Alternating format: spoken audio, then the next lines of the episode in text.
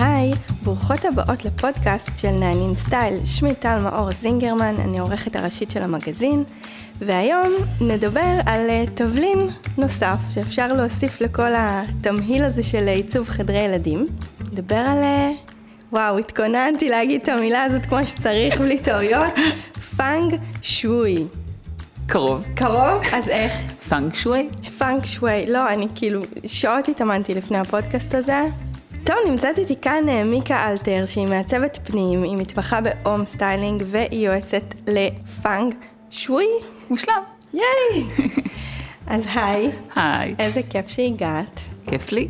אז בואי אה, תספרי לנו קצת לאנשים שלא יושבים אה, עם כל מיני מפות כאלה, עם עיגולים וכיוונים ומילים, אותיות בסינית. מה זה? נתחיל מזה שפאנג שווי זה רוח ומים. מה זה רוח ומים? זה איזון. איזון שאנחנו רוצות להגיע אליו. אה, תורה, שהיא בת חמשת אלפים שנים, התחילה בסין, וכל המטרה שלה זה בעצם להביא אותנו להרמוניה, לאיזון. עושים את זה על ידי אה, שימוש בצבעים, בחומרים, מודדים בעצם את הכיוון שבו הבית נבנה, רואים את השנה שהוא נבנה בה ויוצרים מפה, כמו מפה אסטרולוגית. מפה אסטרולוגית לבית. בול. כמובן, שזה משהו שרק מישהו שלמד המון שנים יודע לעשות את זה, אבל היופי בפאנק שווי, שיש את הבסיס שהוא פשוט נכון לכל מקום. ועליו אנחנו בעצם נדבר היום. שבעצם כל אחד יכול בעזרת אמצעים מאוד מאוד פשוטים להגיע למצב שהבית שלו מרגיש נוח ונעים, וכל אחת מאיתנו יודעת על מקום שהיא הגיעה אליו וישר הרגישה בו נוח שבא לה להישאר. לגמרי. אני, נראה לי אני אשאל את השאלה הראשונה של כל המתנגדים. שאני חושבת על בית עם אה, כיוונים, הוא נבנה במיוחד, כאילו רובנו חיים בבית שהוא אילוץ. ברור. אין לנו שליטה על הכיוונים שלו, אין לנו שליטה על איפה הדלת, על איפה החלון. האם אפשר ליישם את כל הדברים האלה גם במקום שהוא מלא באילוצים? ברור שאפשר. בסופו של דבר, ברור, האידיאל זה לבנות בית על פי עקרונות הפנג שואי, עושים את זה בהרבה מקומות בעולם, בהונג קונג לא תקבלי אישור בנייה בלי יועץ פנג שואי. זה לא המצב בארץ. אני מדמיינת את היועץ אה, פנג שואי שמגיע ל... לאתר בנייה פה בארץ, ואני, כן, לא כזה, קורה. קורה, אבל פשוט מעט. בתים רגילים בעצם יש להם, כמו לילדים, פוטנציאל. מה זה אומר? יש ילד שלא משנה אם נעודד אותו או לא נעודד אותו, הבסיס שלו הוא ממש טוב במתמטיקה. לעומת זאת, יש ילד שגם אם אנחנו נשב איתו בטירוף, הוא לא יהיה גאון, הוא מקסימום יצליח לעבור את, המי, את המינימום. אז אנחנו צריכות להבין שלבית יש איזשהו פוטנציאל, אנחנו בחרנו את הבית כי התחברנו אליו. רצינו אותו מאיזושהי סיבה ועברנו לגור בו, אז כבר יש התחלה, הוא, מת, הוא מתאים לנו מכורח זה. ועכשיו אנחנו משתמשים במה שיש לנו, כדי להוציא ממנו את המקסימום, כדי למצות את הפוטנציאל. אוקיי. ויש חשיבות גם למספר של הבית, למספר של הקומה, כל הדברים האלה? תראי, יש לזה חשיבות, אבל היא כל כך מינורית. כי אם תדברי איתי על אה, מספר הבית, נכון, לכל דבר יש משמעות. יש משמעות אפילו לחומר שממנו עשוי, עשויה הספרה עצמה, כאשר אנחנו מדביקים אותה על הדלת. עד כדי כך זה יורד לפרטים? זה נכנס לפרטים וזה בהכל כמו מנדלה, זה מזרע עד לדבר הכי גדול וזה, וזה שם. רק שבאמת הדברים הגדולים הם הרבה הרבה יותר משמעותיים, ואנחנו מסתכלים עליהם בפאנג שווי, בסופו של דבר אפשר לרדת לדק, לדקויות בכל דבר, אבל בטבע, ככה זה, יש לך טוב ויש לך רע, יש לך אה, המון צבעים, יש לך המון חומרים, אנחנו מגיעים למצב ש, שיש הרמוניה, ו, ואז גם משהו לא מדויק, בקטנה, האווירה הכללית היא הרבה יותר חשובה. זאת אומרת שכל התהליך הזה הוא בעצם אה, לגרום לנו לפתוח את הדלת של הבית או של החדר, אחד החדרים בו, ולהרגיש איזון. נכון, וכל אחד יכול להרגיש את זה מהרגע הראשון. זה משהו שהוא נורא נורא בסיסי. כאשר אנחנו חושבים על חללים שהם נורא לא מאובררים, אתה נכנס וכזה הכל תחוב, כאילו, אה, כאילו פתחו את החלונות, וחושך. ועמוס מאוד בחפצים, וכל אחת מאיתנו יכולה לחשוב על חלל כזה שהיא הייתה בו, כל הספריות האלה, שאתה נכנס וספרים, רצפה, תקרא, אתה מרגיש את העומס, יושב עליך, mm-hmm. וזה לא סתם. לעומת זאת, אם אתה נכנס לבית, אפילו אם הוא לא מעוצב כמו שמעצבת פנים תעצב אותו, אבל נכנסת לבית והבית מואר, ויש לך אוויר, והבית מסודר ונקי, עצם זה שזה ככה, כבר גורם לך להרגיש יותר טוב. אז אנשים לא עושים את זה סתם, האנרגיה היא משהו טבעי. בפנג שואי אנחנו פשוט לומדים לכוון את עצמנו מראש לדברים האלה, ולשים לב למה שאנחנו עושים. ברגע שעושים משהו מתוך ידע, כבר הכוונה נמצאת וזה משפר את הכל. יש אנשים מסוימים שירגישו את האיזון בדברים אחרים מאנשים אחרים? זאת אומרת, זה אינדיבידואלי?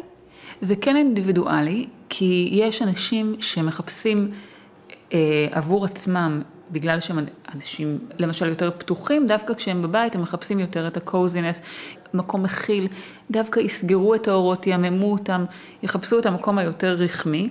וזה נכון עבורם, ולעומת זאת אנשים שדווקא כדי להתעורר מחפשים אה, יותר וייבים, של, אה, וייבים, ייקחו למשל ספה מאור כדי לא להרגיש אותה, יעדיפו אור לבן מאשר אור צהוב, כי זה מה שהם צריכים עבור עצמם. רק שמה שאנחנו הולכות לדבר היום, זה דברים שהם נכונים לכולם, בגלל שבסופו של דבר, חוץ מניואנסים שאני גם אדבר עליהם, בבחירת הצבעים וכל אחד מכיר את עצמו, יש דברים שהם יועילו לכל אחד, גם ילדים וגם מבוגרים. אז אמרתי ילדים, איך אנחנו יכולים בעצם להיעזר בכל הכלים האלה כדי לעצב עבור הילדים שלנו סביבה שהיא יותר, אה, יותר נעימה, יותר בטוחה, יותר מאוזנת עבורם? אז באמת עם ילדים זה נורא כיף. כי בניגוד אלינו, שכל שינוי, אנחנו עושים אותו, אבל לוקח לו זמן להיטמע. ילדים ברגע שהם מקבלים את השינוי, נכנסים לחדר שעשו בו משהו, ישר הם מרגישים אותו. וזה משפיע עליהם נורא מהר, זה ממש כיף. כאשר אנחנו מעצבים חדר לילד, כל הורה רוצה לתת לו תמיד את הכי טוב. גם אם אנחנו נכנסים לבית שהוא כולו לא מעוצב, תמיד החדרים של הילדים, שם זה המקום שמשקיעים. טוב, אפשר לראות את זה בקבוצת אה, עיצוב חדרי ילדים שלנו, כמה שהעניין הזה... בוער. כן, זה ממש בוער בתוך, ה... בתוך הנפש של, ה... של ההורים. ברור, כי אנחנו רוצות לתת לילדים שלנו ורוצים את הכי טוב. זה משהו שמוטבע בנו בתור אה, הורים. אז כאשר אנחנו מעצבים חדר, כל הבחירות שלנו הן לטובת הילד. אנחנו מכירים את הילדים שלנו. אם יש לנו למשל ילד שמתקשה חברתית, אנחנו יכולות בעזרת בחירת צבעים לתת לו חיזוק במקום הזה, לבחור בצבע שייתן לו את האנרגיות האלה כדי שיהיה לו יותר קל. וואו, זה נשמע קצת... קסם? too good to be true, כאילו, כן. תחשבי על זה, כשאת לובשת בגד אדום, ישר את מרגישה שרואים אותך, את בתוך הדבר הזה, הביטחון שלך עולה. לא סתם, לאדום יש כוח. תדר, וכל אחת יודעת את זה. יש לך... אודם י... אדום, כאילו זה... אודם אדום, לך ככה, חז... אה, בצבע חזק. את הולכת ואת רואה ים של נשים בצ... לבושות בשחור ובאפור ובחום, ופתאום יש את זאתי עם השמלה האדומה. היא גורמת לך להרגיש בצורה מסוימת, זה לא סתם. על זה זה בנוי. וזה דברים שאם כל אחד מאיתנו רק יעצור ויחשוב לרגע, זה פתאום נראה נורא ברור. בסוף הפודקאסט הזה, כל הדברים שאני אגיד, זה כמו נפילת אסימון. וואו, זה באמת גרם לי להרגיש ככה, רק אף פעם לא חשבתי על זה. איזה מעניין. דיברנו קצת אה, לפני שהתחלנו להקליט, ואמרתי שמשום מה אני לא אוהבת כחול, אבל כאילו אני נמשכת לצבוע כל מיני קירות בבית בצבעי כחול. אני לא יודעת, תן לזה הסבר. מה, אז מה זה אומר? אה, אז כמו שאמרתי, לכל צבע יש משמעות. בפאנק אנחנו מחלקים את אה, סוגי האנרגיה לחמש. אחת מהאנרגיות האלה, אנרגיית המים, שמיוצגת בצבע כחול, בזכוכיות, בצורות אמורפיות, והרגש שמחובר אליה זה באמת מקום של אה, רגיעה, של בנייה. זה בעצם מדבר על אינטליגנציה רגשית, על מימוש עצמי, מכניס אותנו לתוך עצמנו להבין מה המקור שלנו. וזה מאוד הגיוני שבן אדם שנמצא בכזאת צמיחה מטורפת, מחפש לעשות את זה מתוך המקור שלו. מעניין. וואו, זה ממש, זה גם ניתוח אישיות כזה. אז בעצם אם אני רוצה לתת לילדה שלי סביבה שהיא מתאימה לה... אז כל אחד מאיתנו מכיר את הילד שלו. יש ילדים שהם מאוד היפר. אז לילד שהוא מאוד היפר, אנחנו לא נרצה לתת צבע היפרי. מה זה צבע היפרי? כתום. אדום. צבעים בכלל חזקים, הם ממריצים אותנו. לעומת צבעים פסטלים שהם אה, הרבה, הרבה יותר נוחים, בטח ובטח לשינה. עכשיו כאן חשוב, אה, חשוב מאוד להבין, חדר ילדים זה חדר שהוא מאוד מיוחד. למה? יש לנו שם שתי פונקציות. יש לנו שינה, שבשינה מן הסתם אנחנו רוצים שהגוף יירגע. שהם ישנו, שהם יהיו רגועים. לך לישון, שמונה בערב. זה הזמן להגיד שלום לאימא. אז אנחנו רוצות שתהיה שינה איכותית בעצם, ומצד שני, אנחנו גם רוצות שבזמן הערות, אחרי הגן, אחרי בית הספר, זאת תהיה סביבה שהיא אה, מתאימה לאירוע חברתי, שאפשר לשחק בה, ללמוד בה, יש לנו כאן הרבה מאוד פונקציות. עירוב שימושים. כן. אז כאשר יש לנו את המצב הזה, אני מראש, באמת בגישה שלי, אני לא אוהבת להשתמש בצבעים חזקים לחדרי ילדים. אפילו ילד שהוא כן צריך את התמיכה שאולי מאוד מופנם, אני לא אלך על, על אה, סקאלה של צבעים שהיא מה שנקרא צבעי יסוד. לא צבע בבסיס שלו, אלא לעשות אותו יותר מעודן. את מדברת על צבעי יסוד אדום, צהוב וכחול, כל, או, או מדבר... צבע שהוא... בבסיס שלו, למשל, גם, גם כחול יכול, תחשבו למשל על גני ילדים, אתה נכנס, טרפת של כחולים, ירוק, אדומים, ירוק, ירוק, צהוב, כתום, אתה לא נושם. אני אומרת, פלטה צבעים עדינה יותר, הפלטה הסקנדינבית מעולה אה, בזה ומאוד נכונה בעיניי לחדרי ילדים, כי באמת אי אפשר לישון בחדר שהוא כל כך מלא בצבע דומיננטי. אז אפילו, אפילו ילד שכן צריך את התמריץ, אם הוא ילד מאוד מופנם, אין בעיה, נלך על צבע באמת אפרסק למשל, שצבע כתום הוא צבע שמדבר על חברתיות, על uh, יצירת אינטראקציות. קשרים ב... כן, קשרים בין אנשים, חברתיות. זה משהו שהוא מעולה לילדים מופנמים, אבל אני אצבע באמת באיזשהו פיץ', לא כתום עכשיו, אדום. אוקיי. Okay. אבל מה עושים עם, אה, עם, עם יצרני המשחקים דואגים לפנק אותנו בצבעים מאוד מאוד מאוד חזקים. אז מה שאני עושה, וזה משהו שהוא נכון מאוד, מאוד כמה אספקטים, את המשחקים אני לא שמה באופן פתוח כשאני מעצבת חדר ילדים. אנחנו יכולים לבחור באחסון שהוא סגור באופן חלקי. למשל, כוורת, במקום להניח עליה את כל הצעצועים, לקנות סלסלות, ובתוך כל סלסלה להניח את המשחקים שמתאימים לאותו סוג.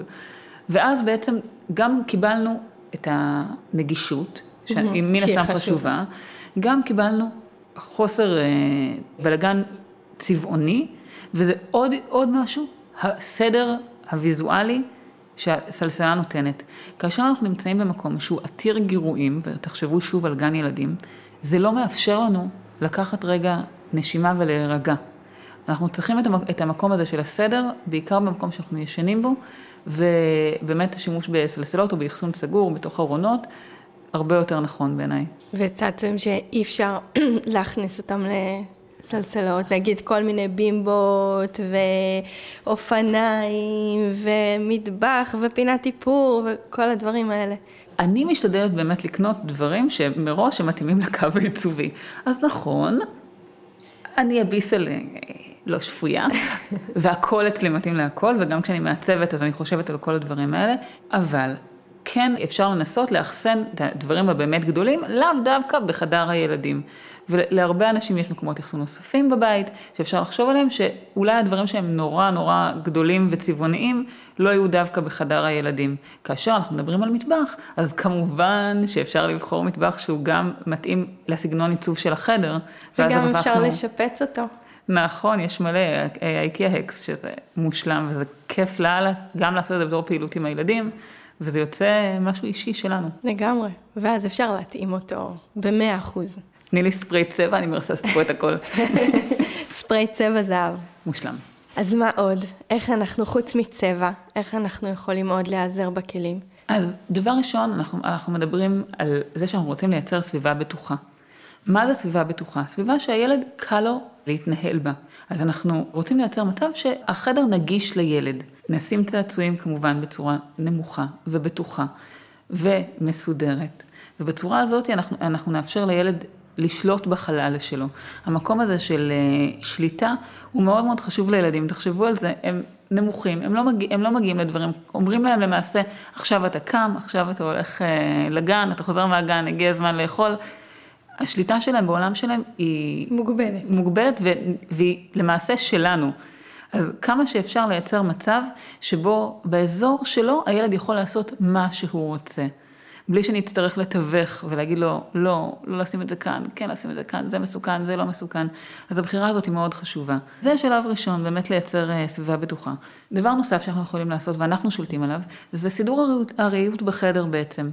אז בכל חדר ילדים יש לנו את הרהיטים הגדולים, מיטה, ארון. שולחן, כוורת, דברים שאין מה לעשות. אז באמת מיקום המיטה זה משהו שהוא מאוד חשוב. למה בעצם?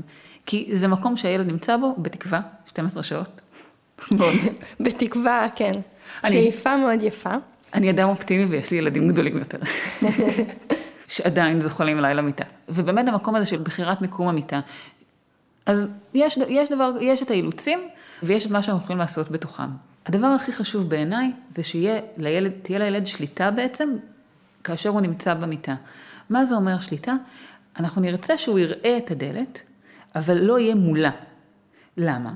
כאשר אנחנו רואים מי נכנס, אנחנו... אני בדיוק יושבת כאילו ומסתכלת בתוך הראש על הסידור הסופי של החדר של לי, כי התלבטנו כל כך עם ה... ולרגע לא הייתי בטוחה איפה שמנו את המיטה בסופו של דבר. הסתכלתי, זה בסדר גמור. כן. אז באמת המקום הזה של המיטה. אנחנו לא רוצים שהילד יהיה חשוף, זאת אומרת ממש מול הדלת. אבל אם זה חדר אחד וצריך לשים שם שתי מיטות. אז אפשר, אז... אז אפשר לשים ברייש. לא חייבים מיטה לצד מיטה. אבל אז נגיד יש חלון ויש זה, אז- וכאילו יש אז מיליון חלון... אילוצים. עד אז- כמה זה חשוב. תראי, כל דבר הוא חשוב. ועדיין אנחנו צריכים לעשות את הבחירות שלנו. אז יש דברים שאנחנו יכולים לעשות, ויש דברים שאנחנו לא יכולים לעשות. אז עם מיטה, אם יש לנו את האפשרות לייצר מצב שהמיטה היא לא ממש דוך מול, ה... אה, מול הדלת, זה מצוין. אם המיטה מתחת לחלון, זה לא נורא. אנשים אומרים, וואי, אבל אמרו לי קיר חיצוני וחלון. דווקא זה, בעיניי, הרבה פחות משמעותי מאשר דלת. למה? הסיבה בפאנק שווי קלאסי, שהוא בן 5,000 שנה, שלא נשים מיטה מתחת לחלון, זה בגלל שמישהו יכול להיכנס מהחלון וכאילו לתקוף. אוי ואבוי. אנחנו מחפשים ביטחון. אה, אני מדמיינת נמרים כאלה בסין, שנכנסים מהחלונות ותוקפים אה, את בני הבית. פחות נמרים, אבל אה, תחשבי, כפר, בן אדם יכול להיכנס בבנייה נמוכה, כאלה. באופן נורמלי, בבתים בשנת 2017 בישראל, זה לא שבאמת אפשר להיכנס מהחלון, וזה לא באמת שמישהו או מישהו מאיתנו מרגיש חוסר ביטחון מהחלון. ולכן, לשים מיטה דווקא מתחת לחלון, זה לא משהו שהוא מטריד אותנו במיוחד. כן, אוקיי. נשתמש בווילון, כי אנחנו מדברים גם על איזונים שהם פיזיים וגם על איזונים סמליים.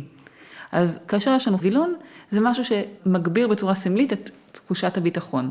וגם ברמת הסטיילינג, בלי קשר. זה, זה ברור תורם אה, משמעותית. אל- כל אלמנט שאנחנו מוסיפים, אפשר אה, שהוא יהיה בדיוק בפלטת הצבעים הנכונה והכל, וברור שזה, אה, שזה דבר שאני מעד- מעדיפה אותו כמעצבת. נוסף לזה, יש לנו רהיטים גם שולחן רהיט גדול, שאנחנו לא תמיד יכולים לשלוט במקום שלו. גם במקרה הזה, אנחנו נרצה שהשולחן, כשאנחנו יושבים לידו, נראה את הדלת. תחשבו על חדרים של מנהלים. כל החדרים של המנהלים בעולם נראים אותו הדבר, לא סתם. יש לנו שולחן נורא גדול, שפונה לכיוון דלת הכניסה. מאחורינו חלון נורא גדול, שכמובן מעיד על זה שיש לנו הרבה מאוד כוח וקיבלנו את המשרד הפינתי עם החלונות הגדולים. המנהל יושב, או המנהלת, על כיסא עם גב מאוד גבוה, על גלגלים שהוא יכול לנוע בתוך החלל, ולעומת זאת, המבקרים שלו יושבים על כיסאות נמוכים שלא יכולים לזוז, והם נמצאים עם הגב לדלת. לא סתם, אנחנו רוצים את עמדת הכוח. אז חדר מנהל, אוקיי, יופי, חדר ילדים בכל זאת, כן. יש שם עוד איזה, נגיד עוד ילד שגם צריך להיות שם, וכאלה כמה אילוצים.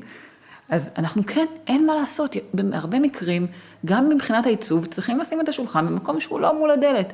ואני תמיד אומרת שעיצוב, יש לו גם משמעות. משהו שנראה נכון וטבעי, זה הרבה יותר חשוב לפעמים מאשר עקרונות של פאנק שווי. אנחנו צריכים שחלל ירגיש לנו נכון.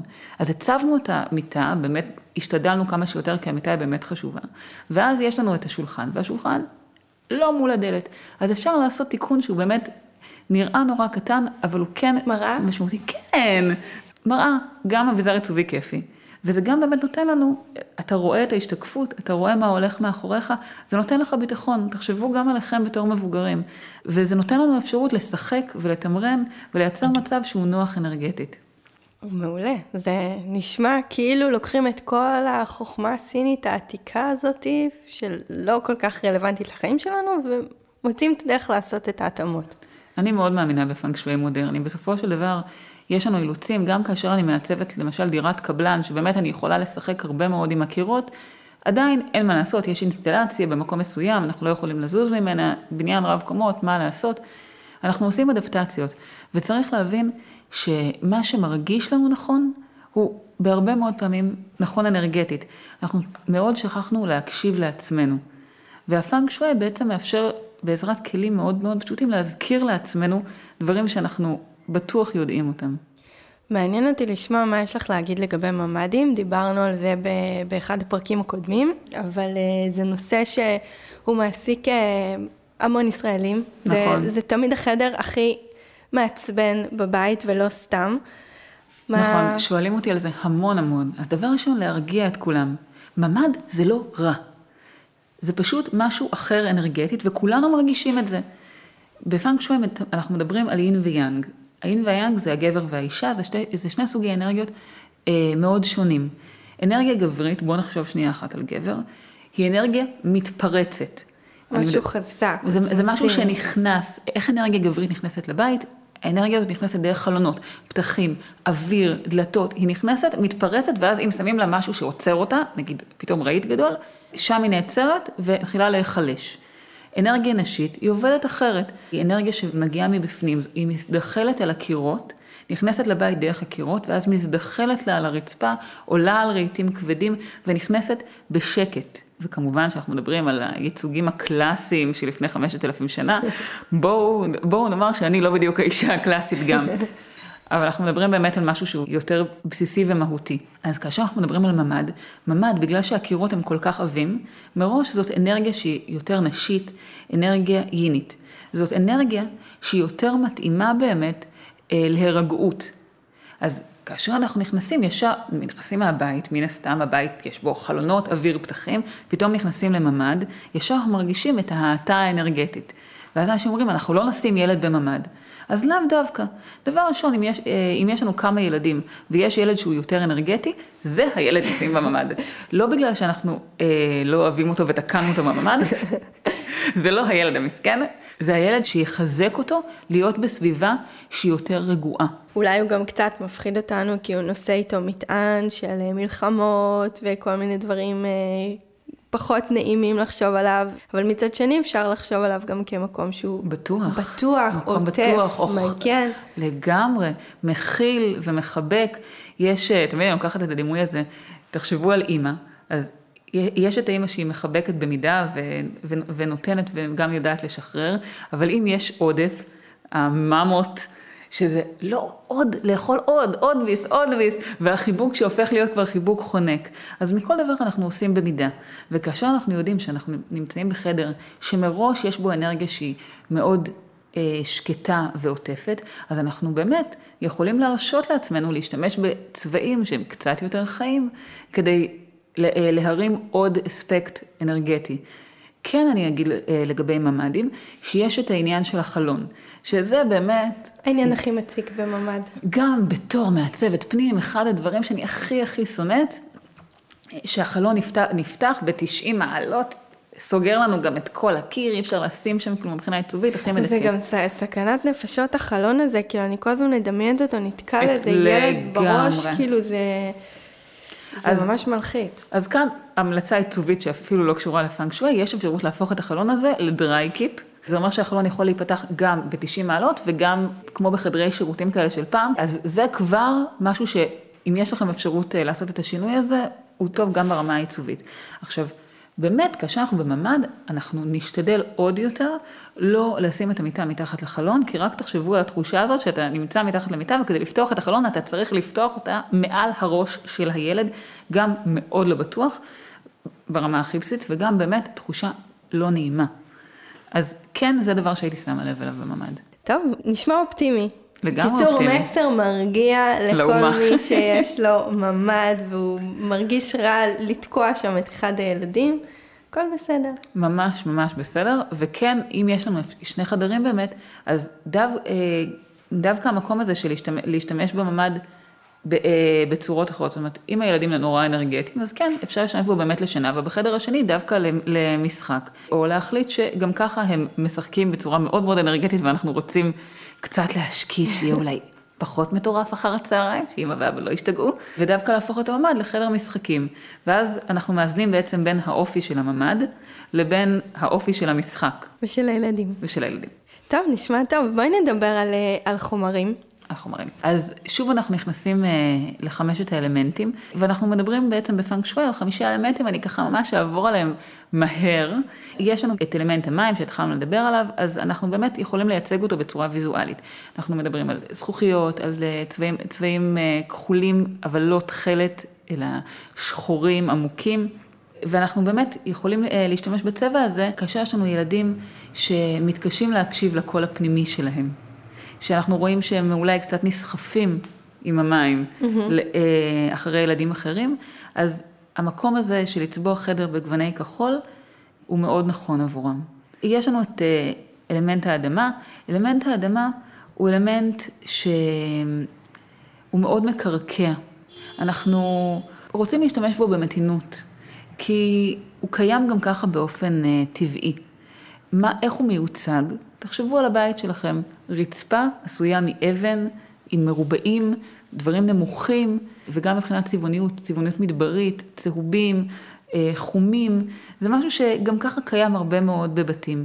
וכאשר יש לנו אותו בעודף, אז זה כמו האימא שהיא כבר, החיבוק שלה ככה... זאת אומרת, אם הרצפה בבית כבר מכילה יסודות כאלה של, של אדמה, אדמה שהם מקרקעים, אז אפשר לשחרר בשאר, ה... בשאר האלמנטים בבית ופחות... אה, פחות להתייחס ליסוד. וב, ובעיקר אם היא גם בצבעי צהוב, שזה משהו שכל השמנות האלה שיש mm-hmm. לנו בעצם, שיש את זה בהמון בתים בישראל, אז כבר יש לנו את זה. אז זה הספציפית אלמנט שאני אישית פחות אה, משתמשת בו בעיצוב. אה, ואם כן, אז זה בנגיעות בשביל לחזק דברים ספציפיים. בעיניי הוא גם פחות מתאים לילדים, זה צבע שמדבר אה, בסין, זה צבע הקיסר. אה, צבע מאוד דומיננטי, כל, כל מי שגם מסתכל על עיצוב בשנים האחרונות, מספיק ששמים הכל שחור לבן, פתאום יש לך אלמנט אחד צהוב, אתה רואה את הצהוב. שצהוב זה הפך להיות אה, טרנד מאוד גדול בשנים האחרונות. נכון. יש אה, המון אנשים אה, נכבשו בצבע הצהוב, והתחילו לשים בבית כל מיני נגיעות צהובות כאלה, כדי להפיח חיים ושמחה. אז לפי הפנג שואי, באמת, הצבע הזה, צריך להשתמש בו בהרבה יותר מתינות. נכון, הוא מאוד טרנדי והוא מאוד מגניב, וכאשר שמים ממנו נגיעות, זה, זה אחלה. אבל באמת, יש לו נטייה להיות מאוד משתלט. אמ-המ. ואני אה, אני בגישה שלי של היישום של הפנג שואי המודרני, וגם בגישה עיצובית, אני מעדיפה שתהיה הרמוניה, שלא יהיה over מדבר אחד. יש את הקטע הזה שמעצבי מטבח, אז אני אוהב אדום, אז עכשיו כל האלמנטים, ה KitchenAid וה, אה, והמגבות והכל פתאום באדום. שיהיה זה... מתאים, שיהיה... זה, זה over. אמ-המ. אפשר, אפשר לייצר סביבה שהיא נכונה עיצובית, בלי שהכל יהיה מאותו צבע. אם נכנסים לחדר ואומרים, זה החדר האדום. כנראה שהלכנו טיפה יותר מדי. אה, אז זה באמת הצבע הצהוב, אלמנט, אלמנט האדמה. אה, ואז אנחנו אה, בעצם ממשיכים, אלמנט המתכת. זה משהו שהוא מאוד עוזר, תחשבו על החלטה חדה, קבלת החלטות. אז כל צבעי האפור, המתכות, הזהב וגם לבן, צורות תיארת עגולות. תיארת עכשיו את פינטרסט. לגמרי. תשלבי עם זה פודרה ואת בול. פודרה ואקווה. אז באמת הבחירות של, הצבעים האלה הן מאוד חדות, וזה מאוד עוזר לנו, אם אנחנו מדברים על חדרי ילדים, אה, ילדים ש, שמתקשים לקבל החלטות, אנחנו נוכל לחזק אותם על ידי שימוש בצבע הזה, וזה שימוש מאוד עדין ונכון. פשוט אמרת את כל הצבעים ש, שעכשיו אה, הכי אהובים והכי פופולריים וכולם אה, משוגעים עליהם, אז, אז מה, אז אנחנו עושים טעות שאנחנו הולכים בעצם אחרי כל הטרנדים האלה? אין דבר כזה טעות, יש מה שנכון לנו, ואני באמת לא חושבת שצריך, לה, אה, כאשר אנחנו מעצבים, עכשיו, אוקיי, מיקה אמרה עכשיו ש, אה, שצהוב זה יותר מדי, אז נוריד את כל הדברים הצהובים. זה לא, זה לא דרך הגיונית. אנחנו הולכים על הרמוניה. ומראש, כאשר אנחנו, אנחנו מתייחסים לילד, יש לו הרבה מאוד אה, דברים. יכול להיות שאולי הוא קצת ביישן, אבל עם משפחה הוא הילד הכי ורבלי והכי mm-hmm. קופצני. אז המקום הזה של שימוש בכמה צבעים, ולתת סביבה שהיא כמו בטבע, כשאנחנו מסתכלים על גן, יש לנו צבעים ורודים וצבעים צהובים וצבעים ירוקים, ויש לנו כיסאות גינה מעץ או מקש, וליד זה שבשבות מפלסטיק. Mm-hmm. וזה טבעי, וזה נכון. כן, כל אחד מאיתנו מכיר את הילד שלנו, ואנחנו יודעים בלב שלנו מה הדבר שהכי נכון לו. וכל אחד יכול להגיד מה הדבר הכי טוב ומה הדבר הכי קשה שיש לכל ילד, כי אנחנו מכירים אותם, הם שלנו. אז בעצם אנחנו אומרים, אוקיי, אבל יש, לי, יש לנו אפילו שני ילדים לפעמים באותו חדר. אז מה עושים? אז אני אוהבת לעצב את החדר עצמו בתור רקע רגוע. מקום שיהיה נעים להיכנס אליו. אני מאוד אוהבת להשתמש באמת באלמנט המים וגם באלמנט העץ. אלמנט העץ הוא מאוד מאוד מתאים לילדים, הוא מדבר על צמיחה, הוא מדבר על, אה, על פריצה קדימה. על להאמין בעצמך. תחשבו על זרע שנמצא בתוך האדמה, כמה אומץ הוא כאילו צריך בשביל לפרוץ את המעטפת של הגרעין הקשה, להיכנס לתוך כל החול וה, אה, והאבנים ולפרוץ החוצה בתור אה, ניצן קטן, קטן ו, ופגיע. אבל מתוך האמונה שלו בעצמו, הוא עושה את זה. וזה בדיוק הילדים שלנו. אנחנו רוצים לאפשר להם מקום של צמיחה. אז אנחנו, אלמנט העץ באמת מתבטא גם בחומר עצמו, בעץ. וגם בצבעי ירוק, טורקיז, אקוות, צבעים שהם מאוד נעימים והם גם, אם אנחנו מדברים על אה, עיצוב, אני בכלל מעדיפה עיצוב שהוא אה, לא gender specific. גם אני מעדיפה. וגם המקום הזה של אה, להנחות ילדים לפי ה gender שלהם לבחירה בצבע מסוים, זה בעיניי מאוד מיושן. אז כן, אנחנו יכולים לבחור בצבעי באמת הכחולים והכחולים של המים והירוקים על כל גווניהם של העץ, בפלטה כמובן שקטה וסקנדינבית, ואז נתנו איזשהו רקע שהוא באמת תומך ונכון להרבה מאוד ילדים.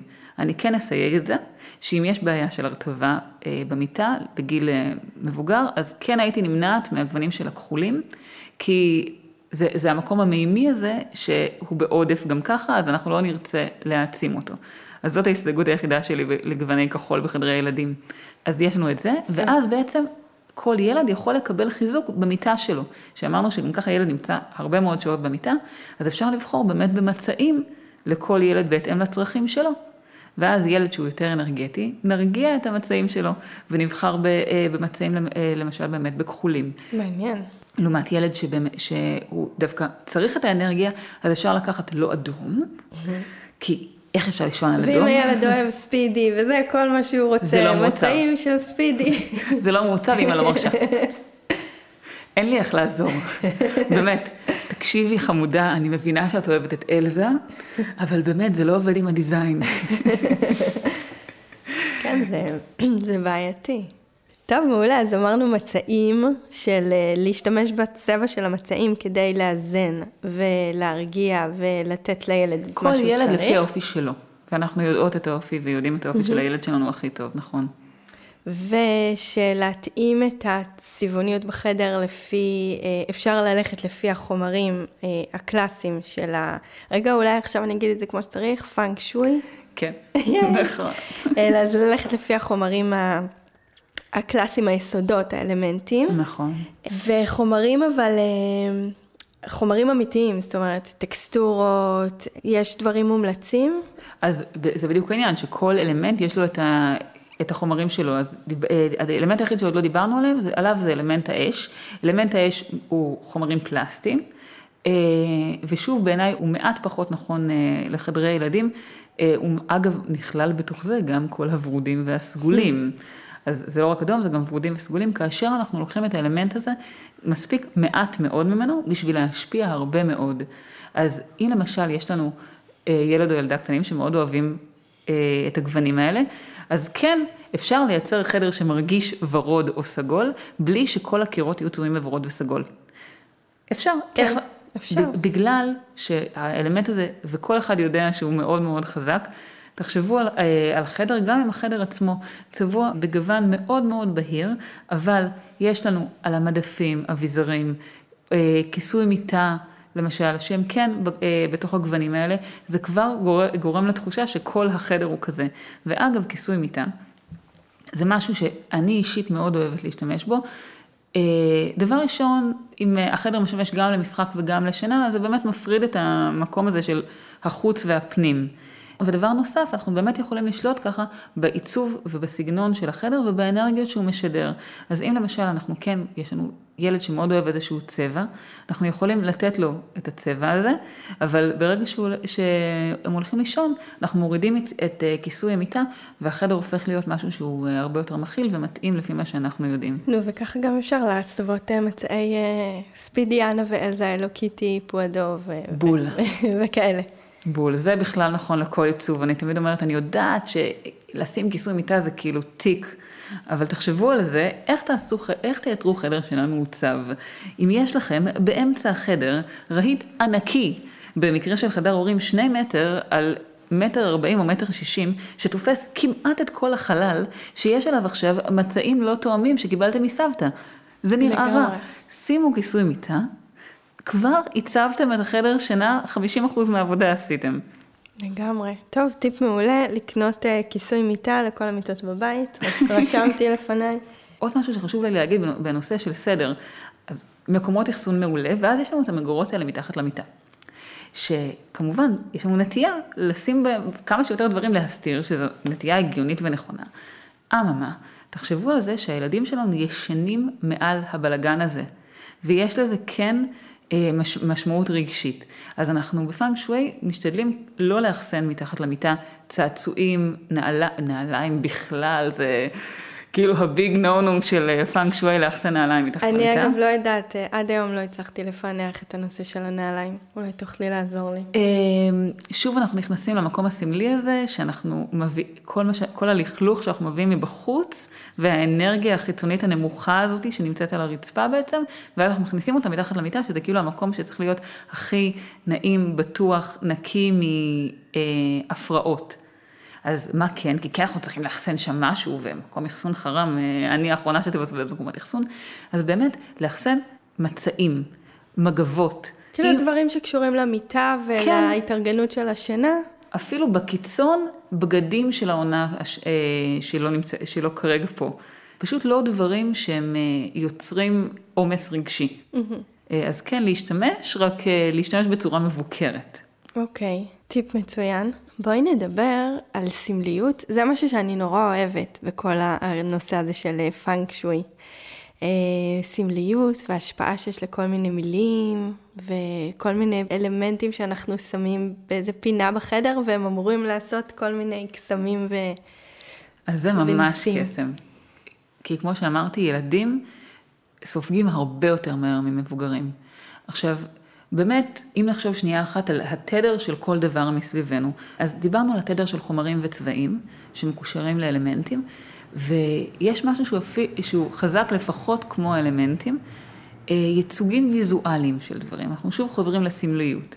בואו נדבר על תמונות. אם אנחנו שמים תמונה של משהו בחדר, אנחנו נרצה לבחור תמונה שהיא אה, יכולה לסמל משהו שאנחנו רוצים לייחל לילד שלנו. אז אם דיברנו על הנושא החברתי, ויש לנו ילד שקשה לו באינטראקציות חברתיות, אז אפילו שיש אה, איורים מהממים של ילד או ילדה יושבים ככה לבדם על, אה, על יד הנהר ומשחקים עם ארנבת. זה פחות מתאים במקרה הזה. אנחנו נעדיף לבחור בסיטואציה למשל של אה, ילדים משחקים, או של חברים אוחזים ידיים. אז יש לנו באמת את ציורים מהסוג הזה שאפשר להשתמש בהם, ואז זה עוד אלמנט, זה גם משהו שהוא מעוצב וכיפי ומכניס עניין אה, לחדר ויכול גם להיות כמובן בצבעוניות שאנחנו רוצים, המסגרת יכולה להיות בחומר שאנחנו רוצים אה, להשתמש בו, וגם באמת שהנושא הוא מה שהיינו מייחלים לילד שלנו. אז זה ציורים. ואז יש אה, עוד משהו שהוא גם מדהים, מילים. ילדים יותר גדולים כבר יכולים לקרוא, וכאשר אנחנו משתמשים בעיצוב שלנו, או בפוסטרים של, אה, של משפטים מסוימים, או בממש אה, מדבקות או מילים שהם מעץ או, או מבד שאנחנו יכולים אה, לעצב איתם, אנחנו יכולים לבחור במילה שהיא כבר מעצימה את הילד שלנו. למשל... אז שבעצם משתמשים בשם של הילד. אז זה... השם של הילד זה בעיקר עיצובי. אה, וזה כן נכון כי זה נותן לו את המקום שלו, זאת המיטה שלי. זה המקום שלי, כל הבית הוא של ההורים שלי, וזה, הנה אפילו כתוב פה, זה רק אני. Mm-hmm. ואפשר לראות אפילו ילדים בגן, לא יודעים, לא יודעים עדיין שום דבר, אבל את, הש, את, ילדים את השם שלהם, ילדים ומשהו יודעים בגן. הם יודעים לזהות את, ה, את השם ואת המגירה שלהם ואת האותיות, אפילו, ש, אפילו שזה עוד גיל מאוד מאוד צעיר. אז כן יש מקום לשימוש בשם שלהם. אני דווקא מדברת על אה, מקום שלמשל אה, המילה אומץ. Mm-hmm. איזה, איזה דבר מדהים זה. איזה יופי אה, להשתמש במילה אהבה. חלק משיר אפילו שמסמל משהו. וכל ילד, אפילו ילד שלא יודע למשל אנגלית, עם הביטוי באנגלית, אבל תולים לו משהו בחדר, אז הוא ישר שואל, רגע, מה כתוב פה? ואז אתה אומר, וילדים הרי חוזרים על דברים כמו מנטרה, נכון. גם בלי שאתה אומר להם. אצלי למשל בחדר, אה, מעל המיטה של הבן שלי, בן שש וחצי, יש uh, Dream big, uh, you'll grow into them. שזה משהו שאני כל כך מאמינה בו, ללכת אחרי הלב שלך, mm-hmm. וכל כך, זאת המתנה שהייתי רוצה להעניק לילדים שלי. והבן השני שלי יש שלט עץ של חלומות מתגשמים, ועוד שלט של אם יוצאים מגיעים למקומות נפלאים. אז זה משהו שאנחנו יכולים להעניק להם. והמילים האלה מהדהדות לא רק לילדים שלנו, אלא גם לנו, כאשר אנחנו נכנסים לתוך החדר, ואנחנו קוראים בלי משים, אנחנו הרי קולטים אה, ויזואלית את כל החדר, והמוח שלנו עובד ככה. אנחנו קוראים את זה, וזה הופך להיות תדר בתוך החיים שלנו, וזה הופך פשוט למציאות. זה דבר מדהים ושימוש כל כך אני קל. אני מאוד מאמינה בזה. אני, אני שמתי בכניסה לבית את המילה שפע, שמבחינתי שפע זה כאילו הדבר הכי טוב שאני יכולה לשאוף אליו, זה לא קשור לשום דבר חומרי, זה פשוט תחושה... הוא הכל. זה הכל. הוא גם חומר, ו, ולא צריך לפחד מלדבר על, על חומר. הפאנק שואה מתעסק אה, הרבה מאוד בהבאת שפע כלכלי. אה, לבית. וזה, וזה משהו שהוא, דבר, שהוא מדהים. לא צריך לפחד מלהגיד, אני רוצה שפע כלכלי. אז זהו, זה יופי. מתייח... נכון, לגמרי זה יופי, ואני הכי בעד, אבל אני מתייחסת לשפע כ, כ, כהכל, כמכלול. נכון, שפע הוא הכל. כל מה שאני ארצה, יהיה. יהיה לי. נכון. הכל, בריאות, אה, שמחה, הכל שיהיה בשפע ויהיה טוב. ואני שמה לב איך שכל פעם, זה ממש בכניסה לבית, כל פעם אני עוברת ליד המילה הזאת, ואני מסתכלת עליה, גם אם אני לא קוראת אותה, היא, היא שם. היא שם היא בתדר. היא מלווה אותי, ואני באמת מתחברת ומאמינה לזה. נכון, וגם הילדים שלנו אומרים, אומרים לי הרבה פעמים, מה, זה ילד, כאילו, מה הוא מבין, הוא אפילו לא קורא. אבל הוא כן מבין. אם תראו אפילו כשאתם קוראים לילדים שלכם סיפור לפני השינה, הם יודעים מה עומד לבוא, הם לומדים בעל פה את ההתנהלות של הסדר. אה, של, של הספר.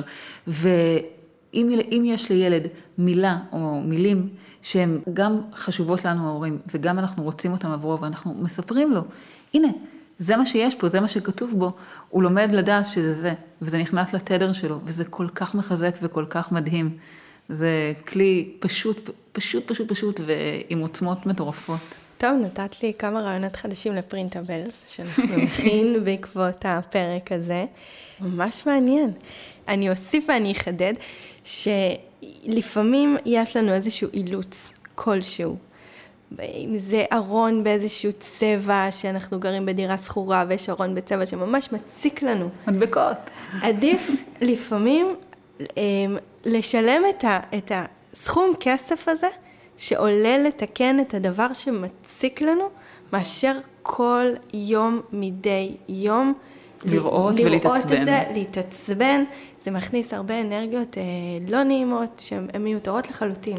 נכון, באמת אה, המקום הזה של לתת לעצמנו את המתנה הזאת, של לגור בבית, שהוא לטעמנו, והוא עבורנו, וכל אחד יכול להיזכר ביום הזה שהוא עבר לבית לבד, פעם ראשונה, והכל הוא מחליט. זאת מתנה, זה דבר מדהים שאנחנו יכולים לעשות לעצמנו. אז לגור בבית מתוחזק, בית מסודר, בית שיש לכל דבר מקום. וזה לא צריך להיות יקר, וזה לא צריך להיות כזה שמעצבת פנים אה, עיצבה, זה צריך להיות נכון עבורנו. והכי חשוב, אין דבר כזה מושלם. גם בטבע יש יין ויאנג, יש אור וחושך. אם לא היה חושך, לא, לא היינו יודעים שיש דבר כזה אור בכלל. זה נכון. זה בסדר גמור אם לא הכל מושלם, כי החיים הם לא מושלמים. הדבר שאנחנו יכולים לעשות עבור עצמנו ועבור הילדים שלנו, זה לתת את התיקונים ואת החיזוקים, גם אם הם מרגישים לנו לפעמים מאוד עדינים, יש להם השפעה מדהימה. ואנחנו מלמדים את הילדים שלנו שאנחנו חושבים ואנחנו עושים עבורם, וגם אם אנחנו צריכים לעשות עכשיו שינוי בחדר, ופתאום הילד שואל, אבל למה? אני ממש אהבתי שהקיר שלי יהיה צבוע באדום בוהק, אני אהבתי את המצעים של ספידי. אז ילדים, גם קטנים, אפשר להסביר להם ולהגיד להם, אני שאלתי, ואמרו לי שזה יעשה לך כל כך טוב, ואני נותנת לך את זה. ואני מבטיחה לכם שהילדים יעריכו את זה וישמחו בזה. זה איך שאנחנו מתווכים להם את זה. טוב, מדהים. אה, היה לי ממש כיף אה, לארח אותך. תודה, גם לי. ולמדתי הרבה דברים חדשים, ואני מקווה שגם המאזינות שלנו אה, למדו. אה, ואת אה, נמצאת בקבוצה שלנו. ברור. של עיצוב חדרי ילדים, אז אם יש לכם שאלות, אתן אה, יכולות אה, אה, לשאול בקבוצה, אם אתם עוד לא שם, אתן יכולות להצטרף, עיצוב חדרי ילדים 9 in style בפייסבוק. אה, זהו, המון המון תודה, תודה לך. וניפגש אה, בפרק הבא. ביי.